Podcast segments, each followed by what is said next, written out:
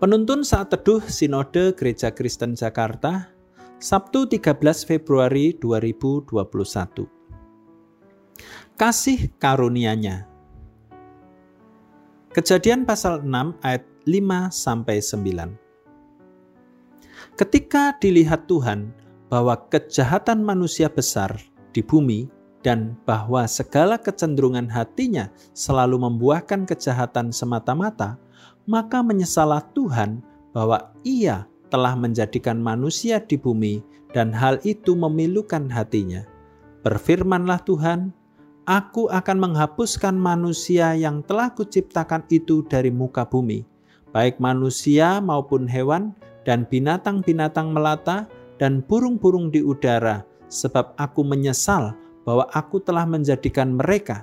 Tetapi Nuh mendapat kasih karunia di mata Tuhan. Inilah riwayat Nuh. Nuh adalah seorang yang benar dan tidak bercela di antara orang-orang sejamannya, dan Nuh itu hidup bergaul dengan Allah. Para peneliti telah menemukan di mana kapal Nuh terakhir kali kandas.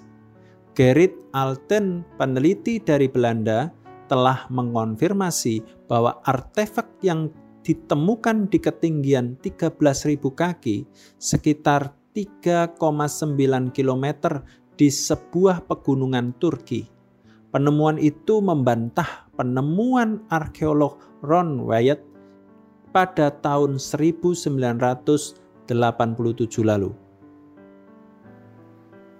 Peristiwa air bah dan kapal Nuh mempunyai makna tersendiri yaitu sebagai bentuk penghukuman Allah terhadap dosa manusia. Seluruh manusia dibinasakan kecuali keluarga Nuh. Mengapa Nuh diselamatkan? Alasan mendasar adalah karena Nuh memperoleh kasih karunia di hadapan Allah. Kasih karunia Allah diresponi Nuh dengan hidup benar, tidak bercela dan bergaul dengan Allah. Alasan paling mendasar dan paling kuat untuk menyelamatkan Nuh adalah karena kasih karunia Allah. Nuh bukan manusia sempurna. Hal ini dapat kita lihat dalam pasal-pasal sesudahnya. Hanya Allah yang sempurna.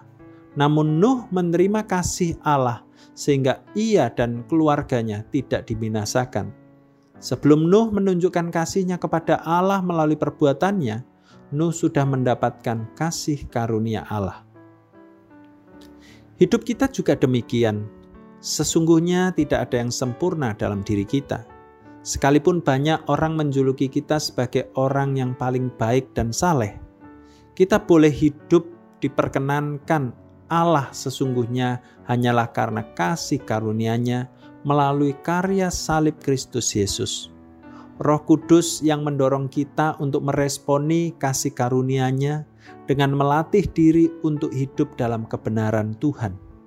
Kasih karunia Allah memberikan kita kesempatan demi kesempatan untuk semakin mengasihi Allah dan sesama kita.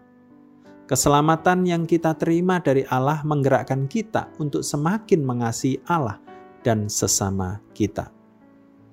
Sebelum kita mengasihi Dia, Ia sudah lebih dahulu mengasihi kita.